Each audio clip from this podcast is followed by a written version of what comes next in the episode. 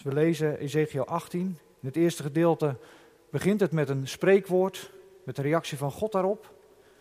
En dan volgen de drie generaties, een beschrijving drie generaties, een rechtvaardige, een onrechtvaardige en dan weer een rechtvaardige. En ja, er worden ook allerlei aanduidingen gegeven van waar zo'n leven van zo'n rechtvaardige en zo'n onrechtvaardige uit bestaat. We lezen nu eerst Ezekiel 1 tot en met 20 en daarna wordt voor ons gezongen Psalm 137, vers 1 en 2. Uit een nieuwe berijming. Het woord van de Heere kwam tot mij. Wat is er met u dat u dit spreekwoord gebruikt over het land van Israël? De vaders eten onrijpe druiven. En de tanden van de kinderen worden stomp. Zo waar ik leef, spreekt de Heere Heere, als u dit spreekwoord in Israël nog durft te gebruiken. Zie, alle mensenlevens behoren mij toe, zowel het leven van de vader als het leven van de zoon. Die behoren mij toe. De mens die zondigt, die zal sterven. Wanneer nu iemand een rechtvaardig is en recht en gerechtigheid doet, hij eet geen offermaaltijden op de bergen, slaat zijn ogen niet op naar de stinkgoden van het huis van Israël, onteert de vrouw van zijn naaste niet, heeft geen gemeenschap met een afgezonderde vrouw, buit niemand uit, geeft aan de schuldenaar zijn onderpand terug, maakt geen roofgoed buit, geeft de hongerige zijn brood, bedekt de naakte met kleding, leent niet uit tegen rente en neemt geen winst, keert zijn hand af van onrecht, geeft een betrouwbaar oordeel bij geschillen tussen de een en de ander, gaat in mijn verordeningen en neemt mijn bepalingen in acht door betrouwbaar te handelen. Die rechtvaardige zal zeker in leven blijven, spreekt de Heere Heere. Maar heeft hij nu een gewelddadige zoon voortgebracht, een bloedvergieter, die helaas maar één van die dingen doet, terwijl de vader dat allemaal niet doet? Ja, zelfs op de bergen offermaaltijden eet en de vrouw van zijn naaste onteert? De armen en de behoeftigen uitbuit, roofgoed buit maakt, een onderpand niet teruggeeft en zijn ogen opslaat naar de stinkgoden en een gruweldaad doet? Uitleent, tegen rente en winst neemt, zou die dan in leven mogen blijven? Hij mag niet in leven blijven. Al die gruweldaden heeft hij namelijk gedaan. Hij moet zeker gedood worden. Zijn bloed rust op hem. En zie, heeft hij een zoon voortgebracht, komt dus de derde generatie, die al de zoon, al zonde van zijn vader die hij doet, ziet. Hij ziet ze, maar doet zelf die dingen niet. Hij eet geen offermaaltijden op de bergen, slaat zijn ogen niet op naar de stinkgoden van het huis van Israël, onteert de vrouw van zijn naaste niet, buit niemand uit, houdt een onderpand niet in pand, maakt geen roofgoed buit, geeft zijn brood aan de hongerigen en bedekt de naakte met kleding. Blijft met zijn handen van de armen af, neemt geen rente en winst, voert mijn bepalingen uit en gaat in mijn verordeningen, die zal niet sterven vanwege de ongerechtigheid van zijn vader. Hij zal zeker in leven blijven. Zijn vader, omdat hij zich aan afpersing schuldig gemaakt heeft, roofgoed van zijn broederbuit gemaakt heeft en te midden van zijn volksgenoten gedaan heeft wat niet goed was, zie, hij zal sterven vanwege zijn ongerechtigheid. Maar u zegt, waarom draagt de zoon de ongerechtigheid van zijn vader niet? Wel, de zoon heeft recht en gerechtigheid gedaan. Al mijn verordeningen heeft hij in acht genomen en hij heeft ze gehouden. Hij zal zeker in leven blijven. De mens die zondigt, die zal sterven. De zoon zal de ongerechtigheid van de vader niet dragen. En de vader zal de ongerechtigheid van de zoon niet dragen. De gerechtigheid van de rechtvaardige zal op hemzelf zijn. En de goddeloosheid van de goddeloze zal op hemzelf zijn. Wij vervolgen nu onze schriftlezing. In het eerste gedeelte ging het dan over generaties die elkaar opvolgden, waar veranderingen optraden. In het tweede deel gaat het dan om een ander soort verandering. Niet over de generaties heen, maar in het leven van één persoon. van goddeloos, onrechtvaardig naar rechtvaardig en andersom. En het bevat ook een oproep om te kiezen voor het leven en niet voor de dood. Maar wanneer de goddeloze zich bekeert van al zijn zonden die hij gedaan heeft, al mijn verordeningen in acht neemt en recht en gerechtigheid doet, zal hij zeker in leven blijven. Hij zal niet sterven. Al zijn overtredingen die hij begaan heeft, ze zullen hem niet in herinnering gebracht worden. Vanwege zijn gerechtigheid die hij gedaan heeft, zal hij leven.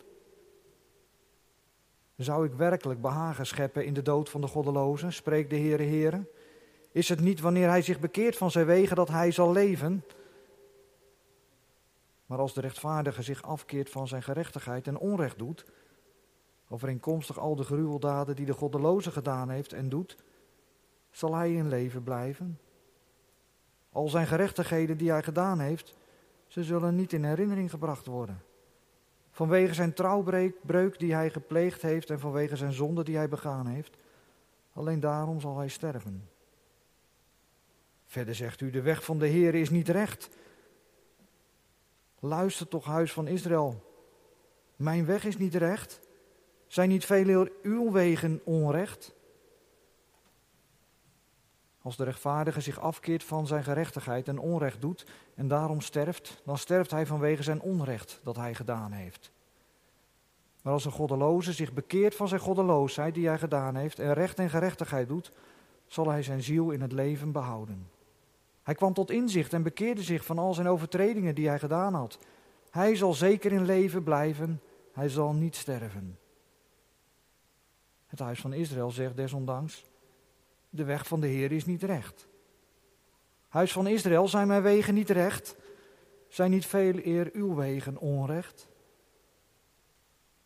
Daarom zal ik u berechten, huis van Israël, iedereen komst, overeenkomstig zijn wegen, spreekt de Heere Heere. Keer terug en bekeer u van al uw overtredingen. Dan zal de ongerechtigheid u geen struikelblok worden. Werp al uw overtredingen waarmee u overtreden hebt van u af en maak u een nieuw hart en een nieuwe geest. Waarom zou u sterven, huis van Israël? Ik schep immers geen behagen in de dood van een stervende, spreekt de Heere Heere. Dus bekeer u en leef. Tot zover de woorden van God. De tekst als uitgangspunt voor de verkondiging is dat spreekwoord in vers 2. Ik lees dat nog een keer. Verder komt ja, een groot deel van dit Bijbelgedeelte ook aan bod in de preek. Maar vers 2 is dan het uitgangspunt. Wat is er met u dat u dit spreekwoord gebruikt over het land van Israël? De vaders eten onrijpe druiven en de tanden van de kinderen worden stomp.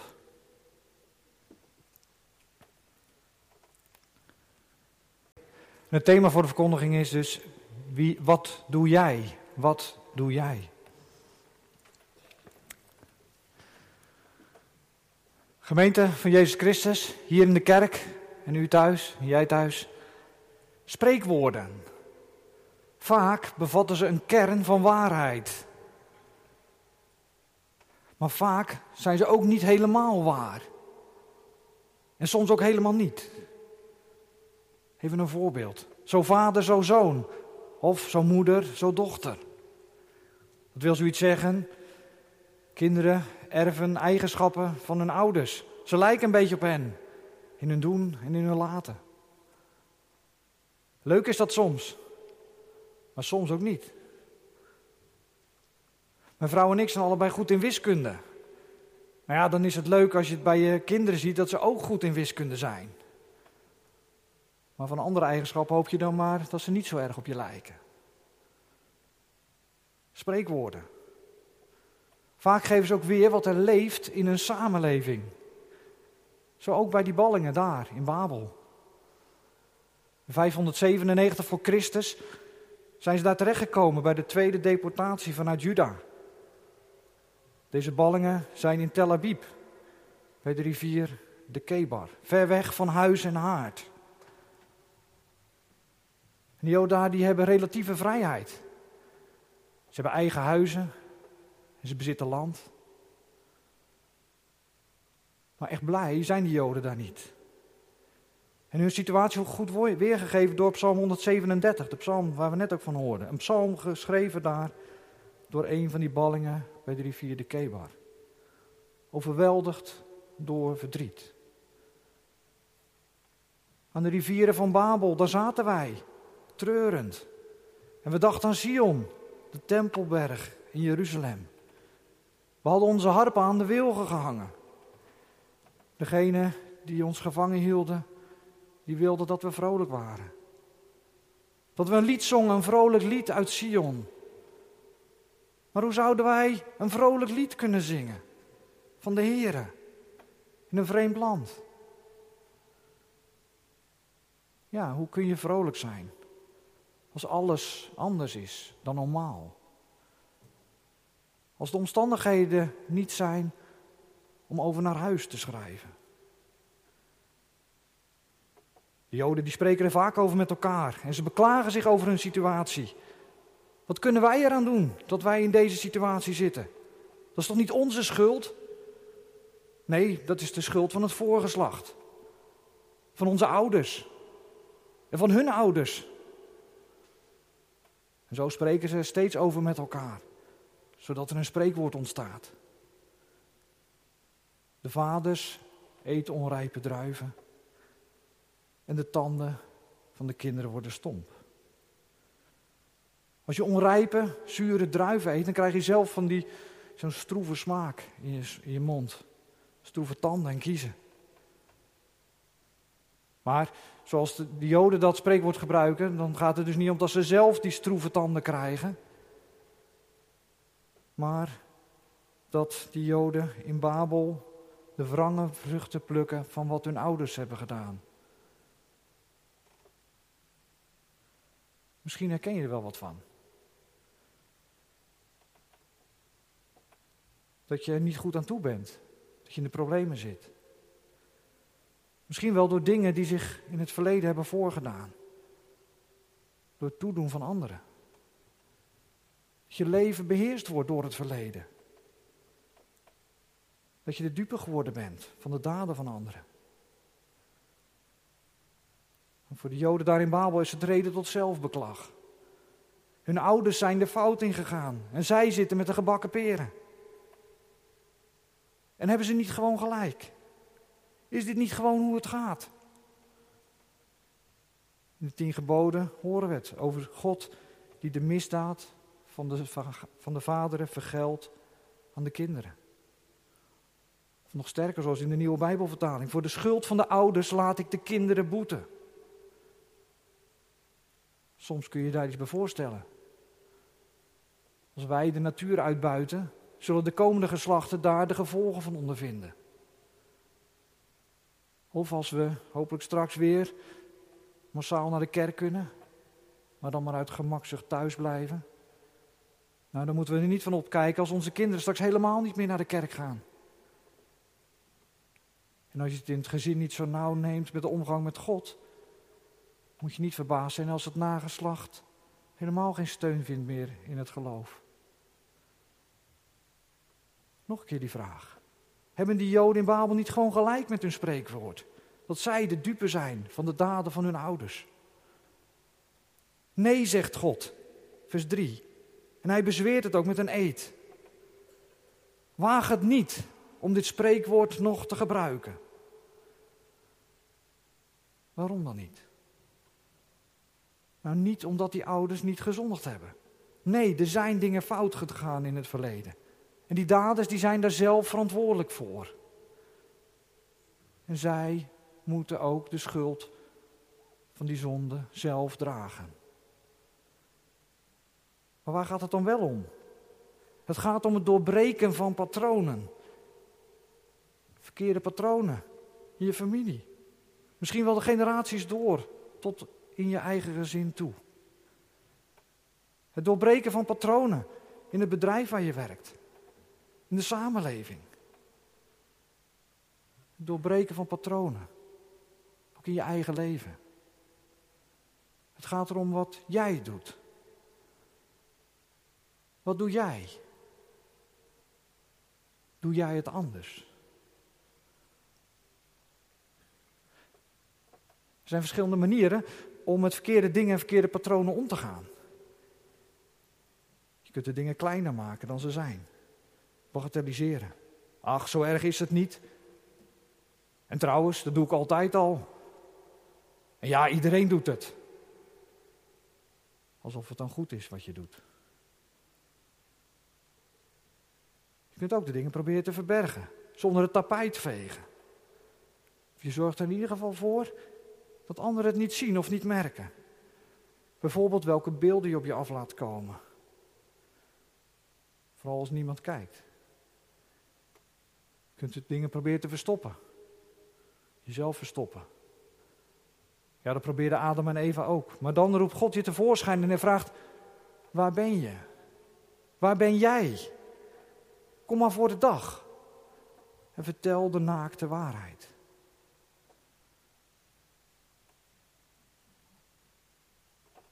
Een andere manier om met verkeerde dingen en patronen om te gaan is om de slag, in de slachtofferrol te kruipen.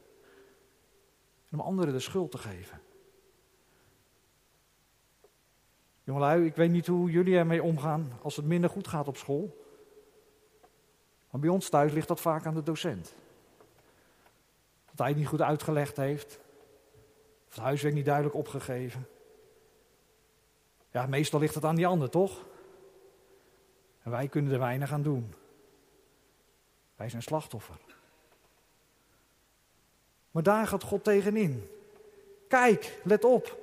Vers 4. Iedereen, alle mensenlevens, die behoren mij toe, zegt God. Het geldt dus voor iedereen. Ieder is verantwoordelijk voor zijn eigen daden. Of je nu die vader of die moeder bent die gezondigd heeft. Of je bent die zoon of die dochter die nu met de gevolgen zit. Ook die gaat niet vrij uit.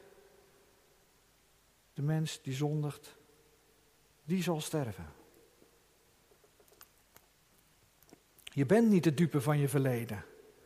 Je bent niet zomaar het product van je opvoeding. Je staat voor jezelf.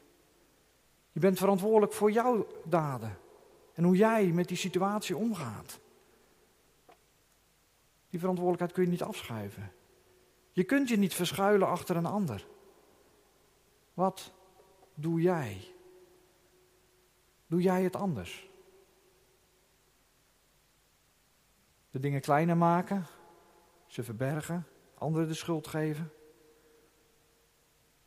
Nog een andere manier om met verkeerde patronen om te gaan is te zeggen: Ik kan niet anders. Ik heb geen keuze. Zo ben ik nu eenmaal. Een fixed mindset noemen we dat wel. Niet kunnen veranderen. Of niet willen. Vast blijven hangen. In vastgeroeste patronen. Nou, bij de Joden in Babel merk je iets van zo'n fatalistische levenshouding. En uiteindelijk geven ze daarmee God de schuld. Vers 25. De wegen van de Heeren zijn onrechtvaardig. Maar God kaatst de bal terug. Hij reageert heel fel op die beschuldiging aan zijn adres. En hij draait de rollen om. Ben ik het die niet rechtvaardig is? Zijn mijn wegen niet recht? Is het niet veel meer dat jullie wegen niet recht zijn, dat jullie onrechtvaardig zijn? Rechtvaardig en onrechtvaardig. Het zijn kernwoorden in Ezekiel 18. De mens die onrechtvaardig handelt, die zal sterven. Maar als jij rechtvaardig handelt, dan zul jij niet omkomen. De rechtvaardige zal zeker in leven blijven. De versen 5 tot en met 20 wisselen drie generaties elkaar af. De eerste generatie is rechtvaardig. Waar uitzicht dat in? Nou, rechtvaardig zijn uitzicht in het handelen op godsdienstig, seksueel, economisch, sociaal en juridisch gebied. De rechtvaardige is gericht op God. Die is trouw in zijn huwelijk. Die buit de ander niet uit. Maar die heeft oog voor de minder bedeelden. Hij geeft ieder het zijne. En oordeelt rechtvaardig als er oneenigheid is. En dan moet ik denken aan Psalm 1. Welzalig, gelukkig, de man, de vrouw die niet wandelt op de weg van de zondaars. En die plezier heeft in het leven naar Gods geboden. Dan gaat de toekomst voor je open en ontvang je het leven. Ja, dat over die eerste generatie. En dan die tweede generatie. Die rechtvaardige die krijgt een zoon. Die zoon is heel anders dan zijn vader. Dus niet zo vader, zo zoon. Helaas niet in dit geval. Deze zoon die doet precies het tegenovergestelde. Hij kleeft zelfs bloed aan zijn handen. Hij is gewelddadig. En hij doet alles wat God verboden heeft. Zo iemand heeft geen toekomst en die gaat zijn ondergang tegemoet. Zijn bloed rust op hem, lezen we zelfs. Rampzalig ben je dan. En dan komt de derde generatie. Die onrechtvaardige, die krijgt ook weer een zoon. En wat zal daar dan van terechtkomen? Nou ja, gelukkig geldt hier niet zo vader, zo zoon. Deze zoon die lijkt op zijn opa. Dit kleinkind leeft rechtvaardig. Er wordt een patroon doorbroken. Al is je vader gewelddadig en vergiet hij bloed, dan legt dat geen doem op jouw leven. God oordeelt ieder naar zijn eigen werken. Hij zoekt rechtvaardigheid en trouw. Vindt hij die, dan zul jij vrij uitgaan. Patronen uit het verleden binnen de familie hoeven niet noodzakelijk voortgezet te worden. Nee, doe jij het anders. En patronen in de samenleving, die kunnen doorbroken worden. Als jij laat zien wat het betekent om trouw te zijn in je huwelijk. Als jij laat zien dat het in het leven niet alleen gaat om geld en bezit. Dat genoeg ook gewoon genoeg is. Dat je tijd en geld besteedt aan de zorg voor anderen. En ook een verziekte cultuur in een bedrijf kan veranderen als jij rechtvaardig en eerlijk handelt en oordeelt. Als je je niet maar verschuilt achter die bedrijfscultuur. En de dingen doet omdat iedereen die doet. Maar dat je laat zien dat het anders kan. Je kunt je niet verschansen in je slachtofferrol of je op de een of andere manier zelf rechtvaardigen. God zegt, wie ben jij vandaag? En wat doe jij vandaag? Je bent zelf aansprakelijk voor je leven of voor je ondergang.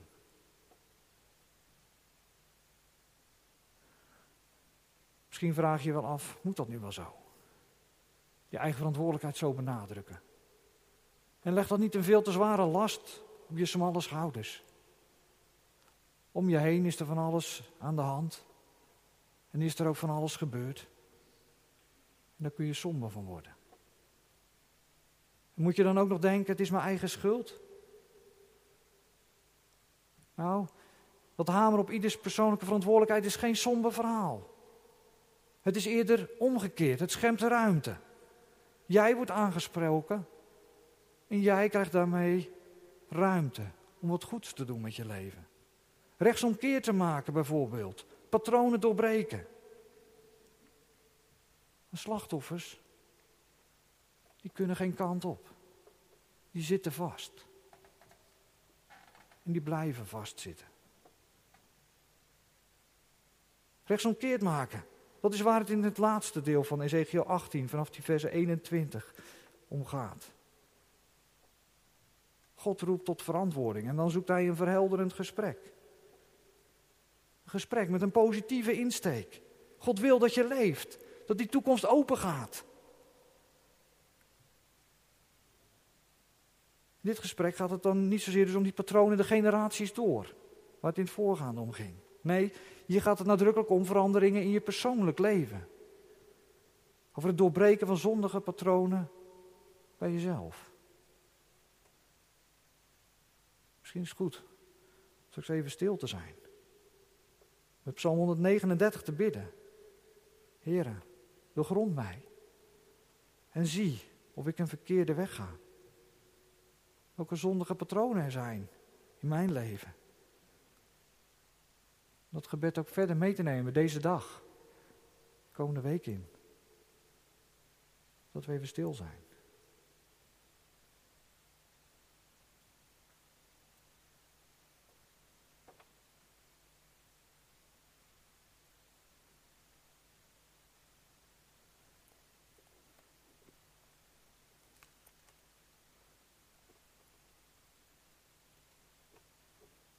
Begin van deze dienst klonk de woord uit 1 Johannes. Als wij zeggen dat we geen zonde hebben, dan misleiden wij onszelf en is de waarheid niet in ons. Als wij zeggen dat wij niet gezondigd hebben, maken wij God tot leugenaar. En is zijn woord niet in ons. Maar ook dat vers ertussen klonk. Als wij onze zonde beleiden, hij is getrouw en rechtvaardig om ons onze zonde te vergeven en ons te reinigen van alle ongerechtigheid. Gemeente, dat is het evangelie. Dat is het evangelie ook hier in Ezekiel 18, in versen 21 en 22. Maar wanneer de goddeloze zich bekeert van al zijn zonden die hij gedaan heeft, al mijn verordeningen in acht neemt en recht en gerechtigheid doet, dan zal hij zeker in leven blijven. Hij zal niet sterven al zijn overtredingen die hij begaan heeft. Ze zullen hem niet in herinnering gebracht worden. Vanwege zijn gerechtigheid die hij gedaan heeft, zal hij leven. Ja, dat is een wonderlijke ommekeer. Eerst is het de mens die zondig, die moet sterven. De onrechtvaardige moet zijn eigen last dragen. En dan klinkt nu, de onrechtvaardige zal leven. Als hij of zij tot inzicht komt en rechtsomkeer maakt. de zonden zullen hem niet waar, niet worden aangerekend. Vanuit nieuw-testamentisch perspectief mogen we dan zeggen dat is omdat Jezus, de Zoon van de Vader, de rechtvaardige, als een onrechtvaardige werd behandeld. Hij is die uitzondering op die regel. De mens die zondigt, die moet sterven. Hij is zonder te zondigen de dood ingegaan. Opdat wij zouden opstaan als vernieuwde mensen. Hij heeft onze zware last gedragen. En zijn verzoenend bloed rust op ons.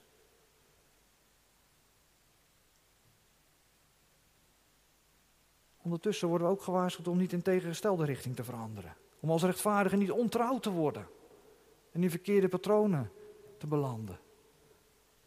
Om niet te gaan op de weg van de zondaars, in het spoor van de ongerechtigheid. Ezekiel 18 is heel zwart-wit. Er zijn twee wegen. De ene weg is die met God, dan lieg je niet. Dan leef je seksueel rein. Je bent trouw en doet een ander recht. En die andere weg is dat je God maar een beetje laat praten. Egoïstisch leeft, gericht bent op jezelf. En dan dien je andere goden. Bijvoorbeeld de mammon. Twee wegen, één met God en één zonder God. Ja, welke weg ga jij? Ja, zeg je, zo zwart-wit is het niet. Ik zit daar ergens tussenin. Soms met God en soms niet. En zo kan niemand je wat, wat maken. Een veilige tussenpositie is dat. Maar zo ontloop je je verantwoordelijkheid. De vraag van morgen is: wat doe jij? Welke weg ga jij? Op beide wegen wandelen zondaars. Maar op Gods weg wandelen zondaars die zich dagelijks bekeren. Dat is het verschil. Ten slotte nog dit. Het is Pinkster geweest. De geest is uitgestort. Je zou na deze preek over Ezekiel 18 het idee kunnen krijgen dat je nu op jezelf wordt teruggeworpen. Dat het van jou en van jouw daden afhangt. Dat het alleen gaat om de dingen die jij doet. Als ik maar goed mijn best doe, doe dan komt alles goed. Maar als het dan niet lukt, dan gaat het fout. Maar dan hebben we buiten de geest gerekend en wat hij doet. In vers 31 lezen we over een nieuw hart en een nieuwe geest. Het gaat niet alleen maar om de buitenkant, om wat je doet en wat anderen daarvan zien. Nee, het gaat om een vernieuwing van binnenuit. Een vernieuwing van ons denken en van ons willen. Een andere mindset. Hier in Ezekiel 18 komt het als een opdracht naar ons toe. Maak u een nieuw hart en een nieuwe geest. Ja, en zo'n opdracht is ook wel helemaal in de stijl van dit hoofdstuk. Om onze eigen verantwoordelijkheid te nemen. Verderop in het boek Ezekiel, Ezekiel 36, vers 26 en 27, daar komen die vernieuwing van ons hart en onze geest tegen als een belofte. Als een geschenk van God. Dan zegt God, dan zal ik u een nieuw hart geven. En ik zal u een nieuwe geest in uw binnenste geven. Ik zal het hart van steen uit uw lichaam wegnemen. En u een hart van vlees geven. En ik zal mijn geest in uw binnenste geven. Ik zal maken dat u in mijn verordeningen wandelt. En dat u mijn bepalingen in acht neemt en ze houdt.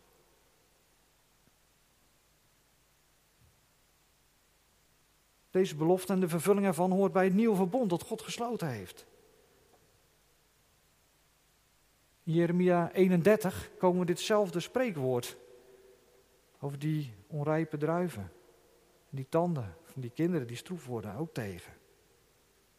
En in dat hoofdstuk wordt dan ook het verband, verband gemaakt met het nieuwe verbond. Ik kan er nu verder niet over uitweiden. Maar tot dat nieuwe verbond behoort dat God door zijn geest zijn wet in ons binnenste zal geven en in ons hart zal schrijven. En wij leven nu onder dat nieuwe verbond, na Pinksteren, in de bedeling van de geest. En voordat Jezus naar de hemel is gegaan, heeft hij beloofd, u zult de kracht van de Heilige Geest ontvangen. En voor dat woord kracht staat er dan in het Grieks dynamis. En van dat woord zijn onze woorden dynamiet en dynamiek afgeleid. De Heilige Geest wil op een krachtige, soms explosieve manier ons in beweging zetten. Als wij vastzitten in vastgeroeste patronen. O Heilige Geest, vernieuw ons hart en ons leven. Geef mij wilskracht om verkeerde patronen te willen veranderen. Schenk mij daadkracht om geen grote woorden te spreken, maar om kleine dingen te doen. En vervul mij met veerkracht om op te veren uit een situatie van neergebogenheid en moedeloosheid. Ja, Heilige Geest. Maak ons hart en ons leven nieuw. Amen.